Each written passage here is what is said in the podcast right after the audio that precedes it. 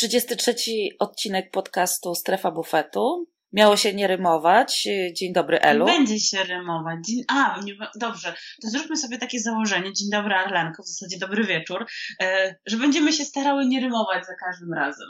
I będziemy myśleć coś innego. Lokalizator za... pokazuje, że jesteś na Węgrzech. To Czyżbyś prawda. pojechała na rekonesans trasy Giro? No nie do końca, nie do końca, bo w zasadzie śpimy, śpimy na Węgrzech i jedziemy dalej do Serbii i do Bośni i Hercegowiny, bo tam w czwartek zaczynamy wyścig e, Belgrad-Bania Luka, więc e, no, trasa nie do pokonania w jeden dzień za bardzo. Także e, na Węgrzech tylko jeden nocleg. Rekonesansu no niestety nie będzie, ale może Attila Walter zrobił rekonesans, zapytam go o to, jak go zobaczę. A może zna szczegóły tych tras, po których będą się ścigali kolarze na Giro 2020, bo tu powiedzmy, jakby ktoś nie doczytał albo nie usłyszał, Giro 2020 rozpocznie się właśnie w Budapeszcie i potem jeszcze dodatkowo dwa etapy w okolicy. W krainie Forinta. I Orbana. A jak Orban, to wiadomo, Polak Węgier, dwa bratanki. Więc kto następny w kolejce? No to w ogóle ciekawe, bo mówiło się już w kontekście tego Giro 2020, między innymi o Polsce, więc widać było, że RCS, czyli organizator Giro, szuka w tej części Europy, ale być może w Polsce ktoś nie był na tyle przychylny wielkiemu turowi włoskiemu, a może nie na tyle zorganizowany. No i tutaj bratankowie nas wyprzedzili. To jest ciekawa historia. Możemy bo... być przecież gorsi. Sprowadźmy Tour de France. Tak, zróbmy to. No to byłoby coś. Ground apart gdzieś. A Krakowi. Na przykład. Na przykład. Tak. Chociaż, przepraszam, że ci przerwałam, bo w zasadzie nie powinnam była, ale e, widziałam, że Marek Tyniec e, w bardzo taki e, swój charakterystyczny sposób skomentował właśnie twój e, wpis twitterowy o tym, że Giro się zacznie na Węgrzech. E, Marek, pan Marek Tyniec skomentował, że Kraków wciąż woli Tour de Pologne, a ja się bardzo cieszę, że pan Marek w końcu do nas wrócił, bo, bo jestem fanką. Nie psycho, ale fanką. Możesz kontynuować. To prawda, nie było, nie było Marka Tyńca przez dłuższy czas, więc na Twitterze, więc fajnie, że zaczął pisać. Ja lubię czytać jego wpisy na jego blogu i lubię też z nim czasem tam zagadnąć na Twitterze.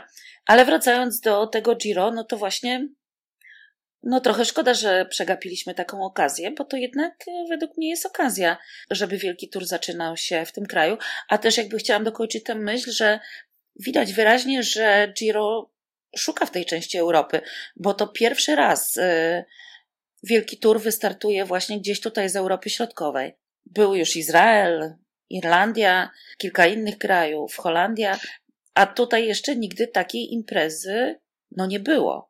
Ale jest coś w tym wspólnego, idą też takim jakby wspólnym mianownikiem, może to trochę takie bardziej e, złośliwe z mojej strony, ale jak e, Giro startowało z Izraela, to też były głosy, e, że, że jest to taka bardziej polityczna decyzja, że to się tam zaczyna, że w zasadzie nie powinno się było tam zaczynać.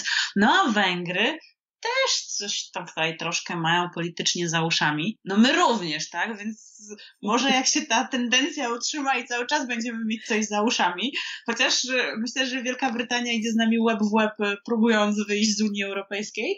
E, więc tak, walka o kolejny ground apart Giro może Trwa. być. Trwa, tak.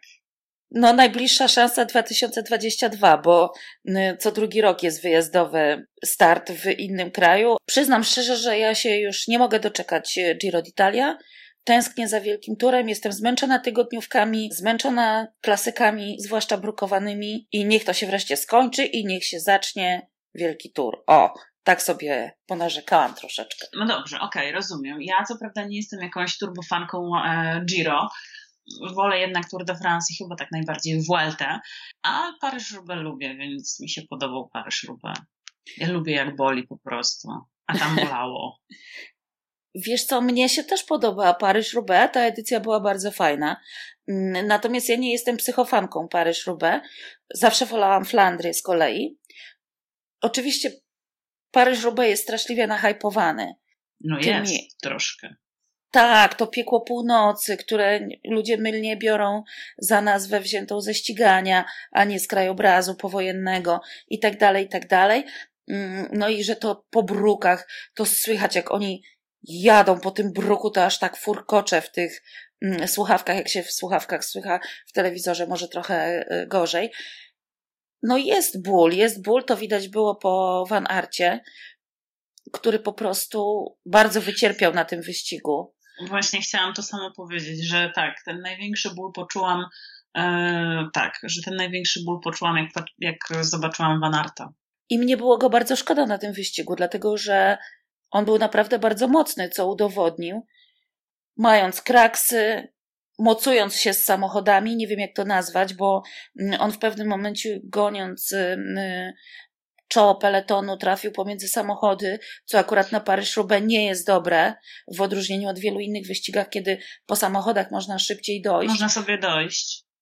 Natomiast te samochody w Paryż-Roubaix jadą takim innym rytmem, one ciągle hamują. E, kolarze nie hamują, jadąc po tym bruku, a samochody hamują, więc tam prawie się zderzył z tym samochodem. By the way, y, Tish Beno nie wystartuje w kolejnych wyścigach, bo został potrącony przez y, samochód kogoś y, z innej ekipy w ogóle. No ale tak, tak bywa. Więc mnie go było niesłychanie szkoda to jak on był wyjechany na końcu, no to to był po prostu człowiek, który cierpiał. On cierpiał nie tylko dlatego chyba, że się wyjechał do zera, ale też dlatego, że po prostu no był poszkodowany w tych kraksach, krótko mówiąc. Tam nawet widziałam, że się Michał Szyszkowski y, mocno oburzył na jego zdaniem lekceważące słowa wobec Van Arta. Tak? Natomiast tak, tak, tak. Tam napisał, że człowieku nie pisz takich rzeczy o kolarzu, jeżeli nie wiesz, co mu było y, i co mu się stało. Zresztą słuszna uwaga. Natomiast. No nie, ja... no bo przecież był ujechany maksymalnie, ale to co, to, co zrobił, jest no, godne podziwu, bo jednak nie poddał się do końca. Tak, ja chciałam jeszcze powiedzieć tylko a propos Van Arta, że to jest na pewno kolarz, który w Paryż-Roubaix w następnych latach będzie odgrywał rolę, bo to widać po nim, że jest jednym z tych, którzy lubią te bruki. Ja bardzo mu życzę zwycięstwa, ponieważ on powiedział, w tym roku, przed jeszcze przed startem Paryż-Roubaix, że jego marzeniem jest to, żeby wziąć na mecie te kwiaty, nawet nie tę kostkę bruku, tylko wziąć te kwiaty dla Michaela Golearca, który w zeszłym roku zmarł na trasie Paryż-Roubaix, a oni jeździli razem w Verandas. Byli kolegami z jednej drużyny po prostu. E, nawiasem mówiąc o tym e, Golearcie pisze też Peter Sagan w książce, kiedy mówi, że nie, już nie. Bo ja jej nie przeczytam. Po prostu. Dobrze. Piłam i jak mi opowiesz ją całą, to po prostu ją oddam. No ale przecież ja opowiadam tylko jakieś te elementy, szczególiki. No a to właśnie najfajniejsze takie smaczki wybierasz. No. No, ale nie mam jej ze sobą, nie zmieściła mi się e. do walizki. E. No dobrze. No niestety, no, niestety. No dobrze, nie, to nie spoilerujemy książki Petera Sagana tak jeszcze lecąc nazwiskami, to kogo byś wyróżniła w tym wyścigu? No na pewno Nilsa Polita. I to chyba nie tylko ja bym go wyróżniła, ale on zainicjował ten atak, który okazał się no, atakiem bardzo skutecznym. Strasznie mi go szkoda było na mecie, bo ten tegoroczny finisz przypominał mi trochę e, to, jak Paryż Roubaix zakończył się w ubiegłym roku, bo też mieliśmy e, szczwanego Lisa Petera Sagana i młodego Dilliera, teraz e, Gilbert kontra Polit. No, widziałabym bardziej Polita na tym podium z tą kostką brukową w, w, rękach, no ale zrobił coś niesamowitego, tak? Bo, bo zanim ruszyli, no, zanim ruszył przede wszystkim Peter Sagan, tak? A jak mimo wszystko rusza Peter Sagan, nawet nie wiedząc w jakiej on jest do końca formie, to ja e, tak sobie myślę, że byłabym w tym odjeździe, że przynajmniej się starała być w tym odjeździe. Tak, ja też pojechałabym za Peterem Saganem, ale nie porusza cię legenda Filipa Gilberta? To nie jest tak, że e, nie porusza mnie legenda Filipa Gilberta. To jest raczej chyba e, kwestia po prostu przesytu tego, że jednak e, Dekeni Quickstep zdominował po prostu te ostatnie wyścigi. No i jakoś tak, no, no mają super kolarzy, tak? Mają świetne, mają, wygrywają w bardzo fajnym stylu, tak? Potrafią jechać przede wszystkim drużynowo i widać, że tam jest ten team spirit bardzo mocno e, budowany, no i każdy by tam za, za każdego walczył. Ale już tak trochę mam dosyć. No. W sensie fajnie by było, gdyby wygrał ktoś właśnie taki, żeby wygrał taki underdog, moje ulubione ostatnio słowo e, z podcastu, żeby właśnie ktoś taki jak na przykład Nils Polit, tak? No tak, ale wygrał, y, wygrał taki underdog, tak? Czyli Betiol. No tak, no Betiol, to prawda, no. Wydaje, mnie, wydaje mi się, że tutaj na, na Paryż-Roubaix jest to jednak trudniejsze, bo no, czego by nie mówić o Filipie Gilbercie, to to jest y, chyba najbardziej utytułowany klasykowiec XXI wieku, e, bo on był i mistrzem świata, i wygrał te e, cztery monumenty jako jeden z dziewięciu kolarzy w historii w ogóle. E, więc jemu brakuje tak naprawdę tylko Mediolan Sanremo. Pewnie już mu się nie uda. Może za późno się za to, e, może za późno ta myśl gdzieś mu wskoczyła do głowy, że, że chciałby skompletować te, te monumenty, bo z tym Mediolan Sanremo będzie już ciężko, 36 lat.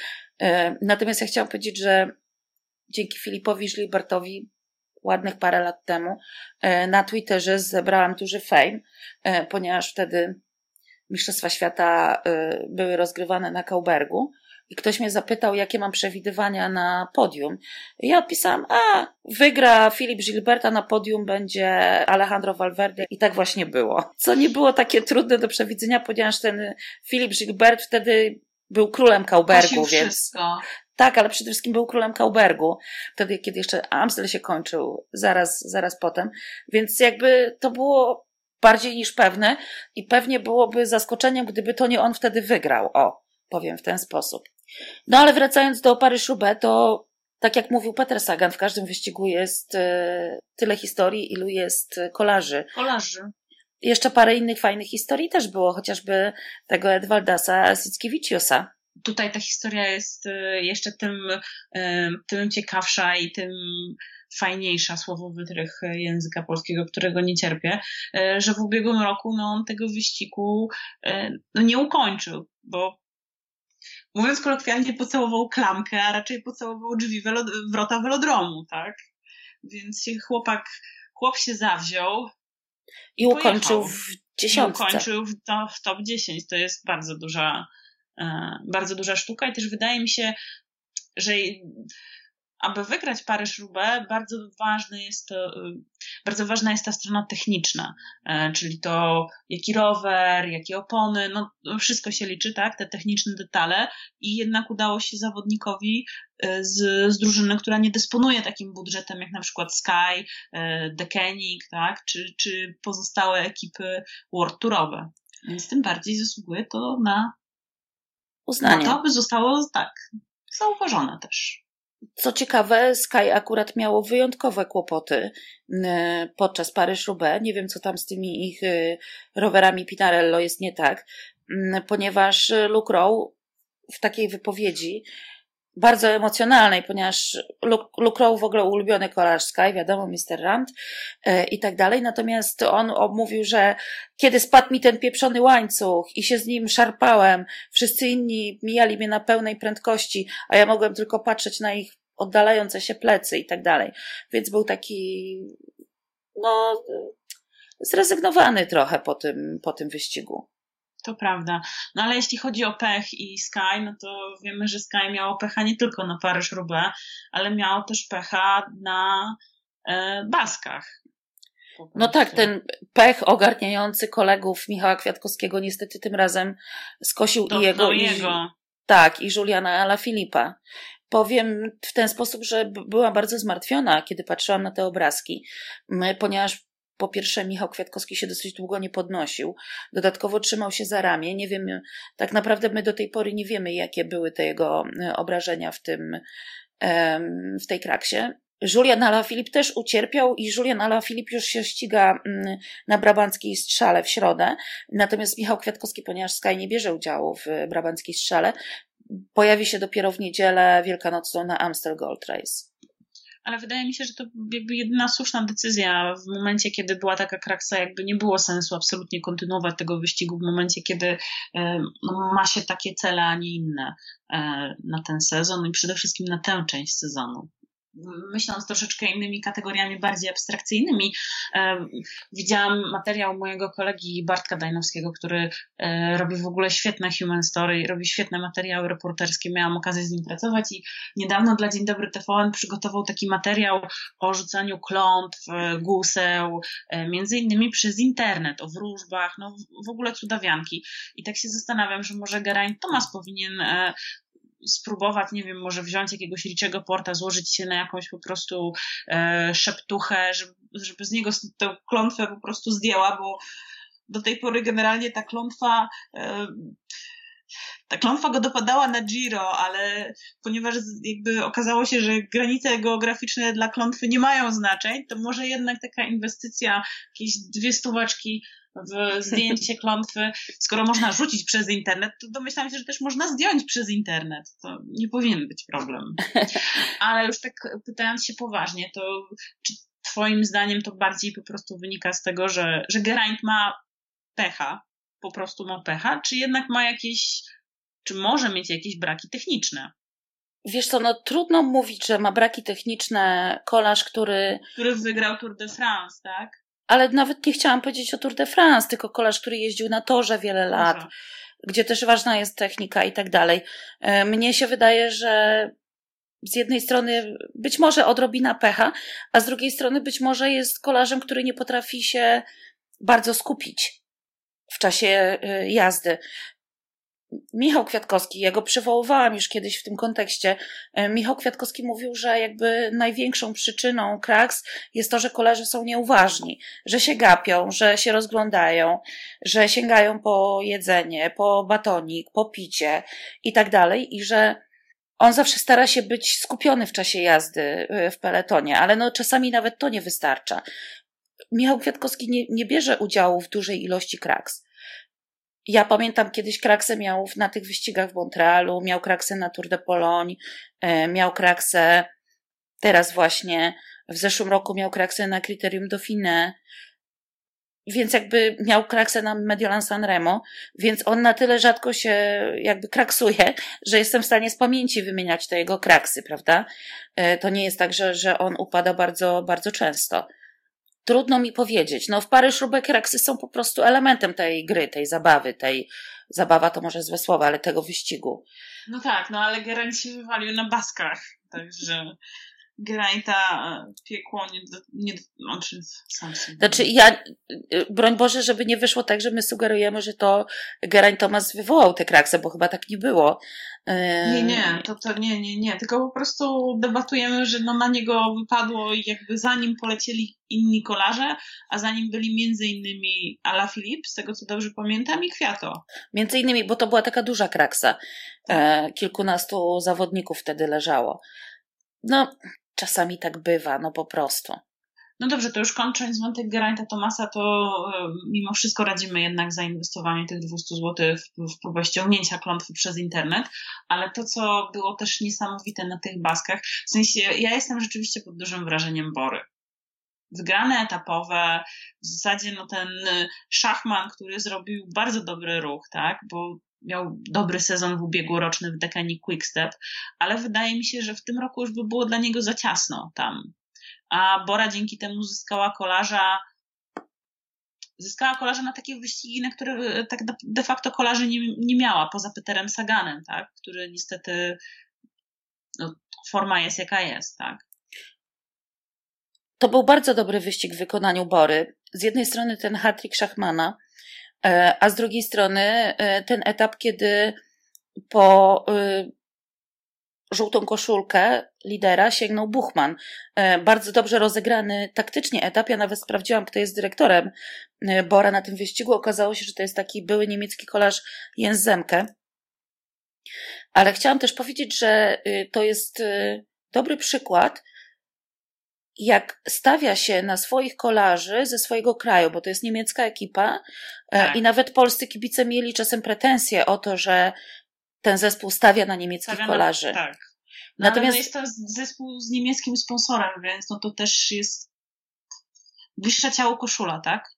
Tak, a poza tym widać, że oni się w tym zespole czują doceniani, czują się dobrze i jakby odpłacają się w ten sposób. To są utalentowani młodzi kolarze i warto stawiać na młodych kolarzy po prostu z danego kraju, jeżeli się jest ekipą e, danego kraju, tak? Więc to jest moim zdaniem taki dobry przykład. E, I warto na przykład i przy okazji też jest oszczędność w budżecie, o czym ostatnio rozmawiałyśmy, bo wydaje mi się, że, e, że taki szachman, no to nie zarabia takich pieniędzy jak chociażby NIPS w Bahrajnach, który Bahrajny zamierza zmienić, tak? To jest w ogóle jakaś taka drama w Bahrajnie się w tej chwili odbywa. Mm. O nie! E, ja w ogóle nie przepadałam nigdy za e, Bahrajnem. Wiemy o tym. Ze względu na e, księcia Bahrajnu, który jest przystojniakiem, jakich mało, ale jest oskarżany o tak, ale, ale jest oskarżany o to, że torturował więźniów. E, więc jakby no, mój stosunek jest taki, a nie inny. E, wydaje mi się, że, że Nibalemu będzie po prostu chyba lepiej w treku. Zresztą on pewnie przejdzie, zresztą tak, tak się mówi, że on przejdzie razem z całą swoją no e, właśnie taką... też to chciałam powiedzieć, że z całą taką gwardią, tak, ze swoimi tak. wszystkimi przybocznymi, więc być może tam po prostu stworzą e, lepszy klimat. Bahrain ma pieniądze, ale tak mam wrażenie, że może nie do końca też za bardzo nie wiem, wiedzą czego chcą, bo jednak budowanie ekipy kolarskiej jest to trudna sztuka. Zdecydowanie. No pytanie też jakby na ile są naciski ze strony no, księcia, tak, czyli tego, który wykłada pieniądze. On się jakby nie pojawia w mediach w tym kontekście. Nie zaglądałam na jego Instagram, żeby zobaczyć, czym on się aktualnie zajmuje i czy jeździ na rowerze, bo on jest w ogóle triatlonistą, e, tak by the way, mm, i uprawia triatlon. E, natomiast no, mnie się ta ekipa jakby nigdy niespecjalnie, mnie się ta ekipa po prostu niespecjalnie podobała, tak od zawsze. Trek, no trek jest w kłopotach, dużych kłopotach, no, powiedzmy to sobie jasno, tak? No wiadomo, nie ma tego, który treka ciągnął. Chodzi ci o to, że nie ma Alberto Contadora? Ja tego nie powiedziałam. W ostatnim Chyba, podcaście. Było, właśnie nie było cokolwiek o Alberto? Wydaje mi się, że nie. W zeszłym podcaście nie było Alberto Contadora, dlatego skreśliłam ten odcinek w swojej głowie.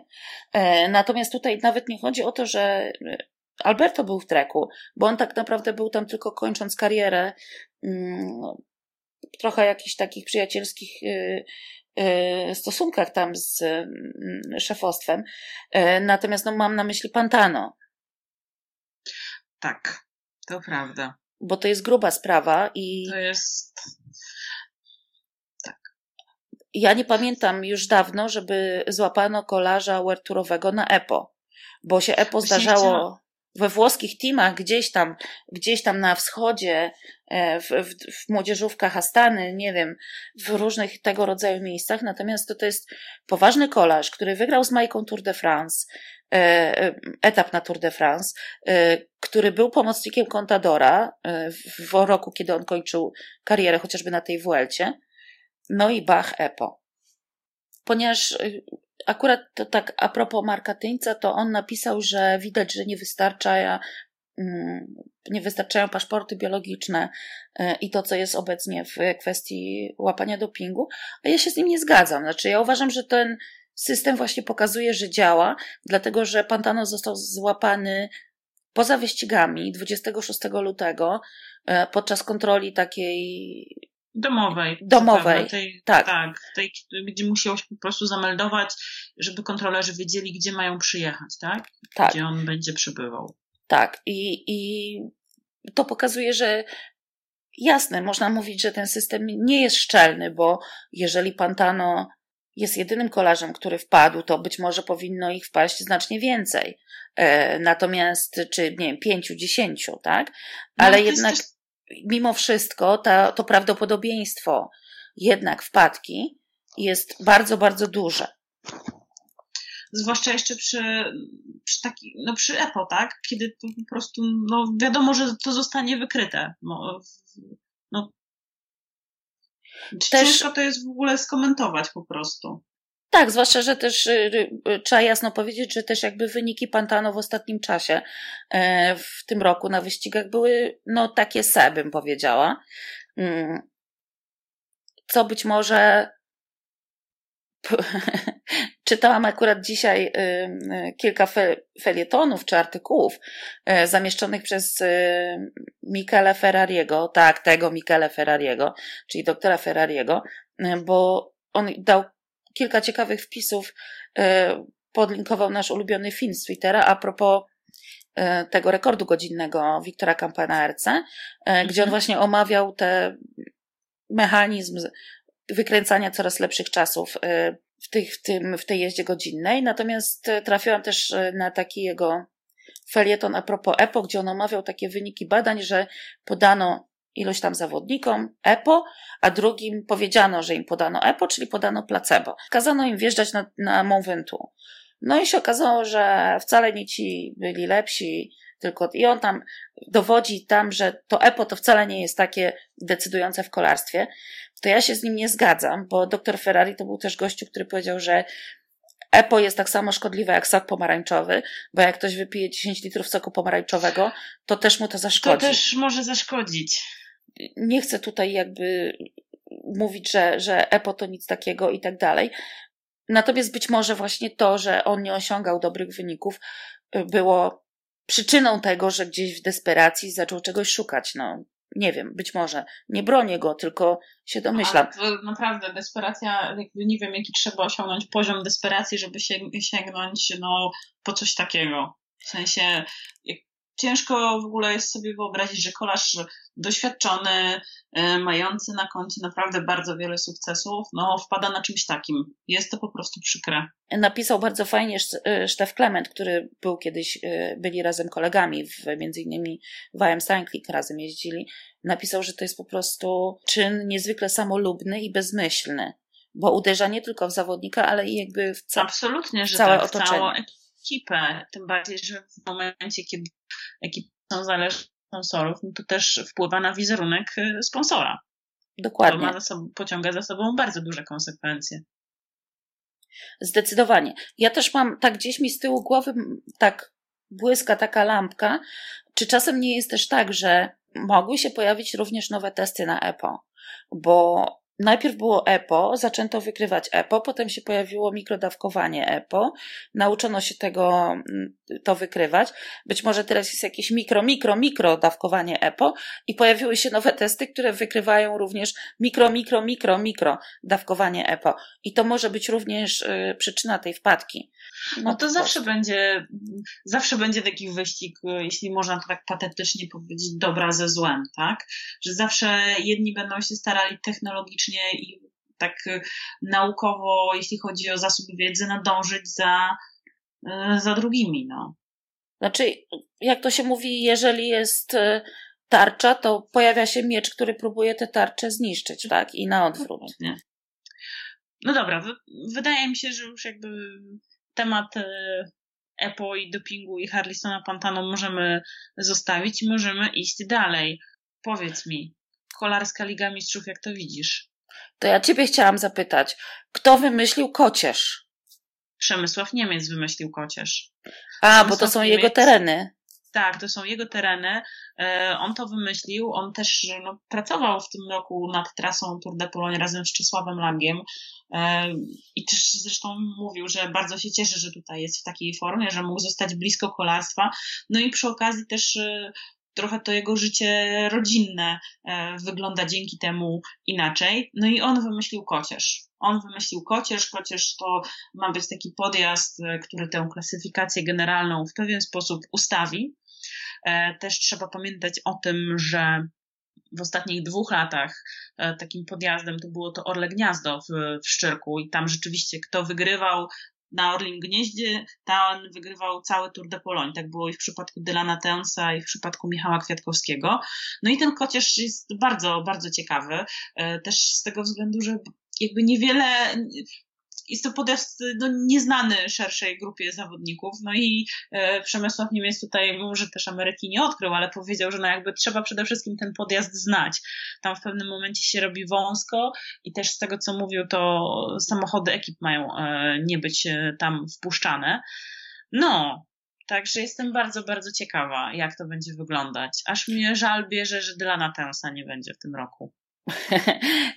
ja też jestem bardzo, bardzo ciekawa, jak to będzie wyglądało, bo wtedy, kiedy Rafał Majka przegrał Tour de Pologne z Dylanem Tensem, to oni z Peterem Saganem, mam wrażenie, że nie znali tego podjazdu i zlekceważyli Dylana Tensa. Ich błędem było to, że nie znali tego podjazdu. Natomiast mam wrażenie, że Michał Kwiatkowski zaznajomił się z tym podjazdem, przyjeżdżając na Tour de Pologne, ponieważ on doskonale wiedział, jak to trzeba wyczekać i w którym momencie zaatakować, bo to jest taki podjazd trochę jak Mur de I e, na walońskiej strzale, że trzeba bardzo doskonale go znać, tak jak miał rozpracowany to Valverde, a ostatnio rozpracował sobie Julian Alaphilippe, jak ten podjazd jechać. I rozumiem, że ten kocierz to jest coś bardzo, bardzo podobnego. Z tego, co mówił Przemysław Niemiec, to jeśli chodzi o rozegranie taktyczne, wydaje mi się, że e, można się pokusić o stwierdzenie, że, że to jest coś podobnego że też po prostu no, trzeba wyczuć ten moment, e, kiedy, kiedy można zaatakować. Ja jestem bardzo ciekawa, mm, czy zobaczymy na Tour de Pologne, bo wszystko ku temu zmierza. Michała Kwiatkowskiego i Rafała Majka walczących o zwycięstwo w naszym narodowym turze. Dla mnie to byłby creme de la creme. A I o tym marzę. wszystkich Greg Van Avermaet, który też tutaj przyjedzie. Nie wiem, czy Greg da radę w górach i na zombie i. Zębie. A co powiedziałam? Zombie. tak, i na zębie. Polska język, trudny język. Trudny język. Tak. Wydaje mi się, że to za trudne dla niego, natomiast ja od zawsze, y, czytam od jakiegoś czasu, marzę o takiej sytuacji, kiedy Michał Kwiatkowski będzie rywalizował o zwycięstwo E, z Rafałem Majką i na odwrót. I bardzo chcę to zobaczyć, bo to się bardzo rzadko zdarza w polskim kolarstwie. Mm, podczas gdy, no nie wiem, dla Belgów, Niemców to jest normalne, że dwóch Niemców rywalizuje. Tak, tak czy dla Włochów. A tutaj właśnie tak, tak bym chciała. To takie moje. Mhm.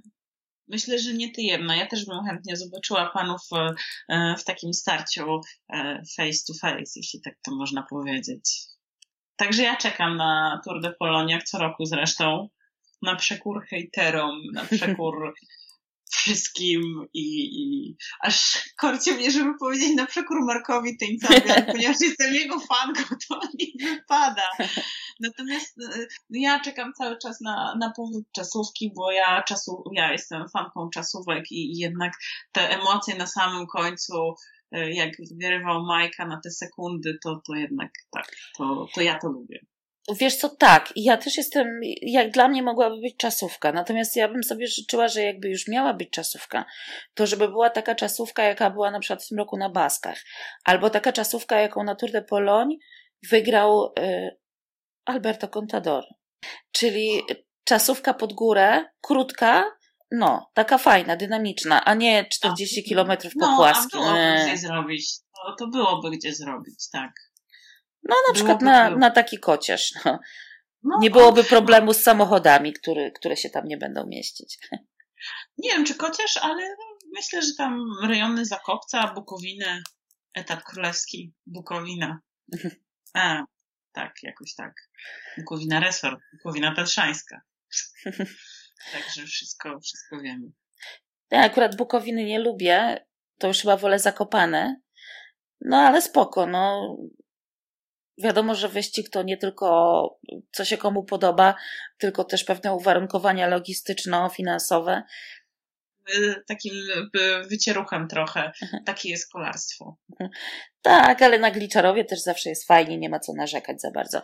Chciałam powiedzieć jeszcze na koniec, że Uwaga, uwaga, Peter Sagan chce wygrać Liège Baston Liège. Zbiło mnie to z nóg, ponieważ on jeszcze nigdy nie startował w Liège, Baston Liège. Startował dwa razy w Amstel, sprawdziłam, e, gdzie zajął e, całkiem spoko miejsca, bo był trzeci i czwarty. I uwaga, startował w Walońskiej Strzale i był dwunasty. Już tego nie pamiętałam zupełnie. Hmm. Także no wszystko... Cóż, no życzę mu powodzenia, no. tak. Życzę mu powodzenia, chociaż e, jakby no, mm, też na tym Paryż-Roubaix był ewidentnie zrezygnowany. Jestem bardzo ciekawa, czy się tak też zepnie w sobie po prostu mentalnie, żeby, żeby spróbować zawalczyć e, o jakąś wysoką lokatę.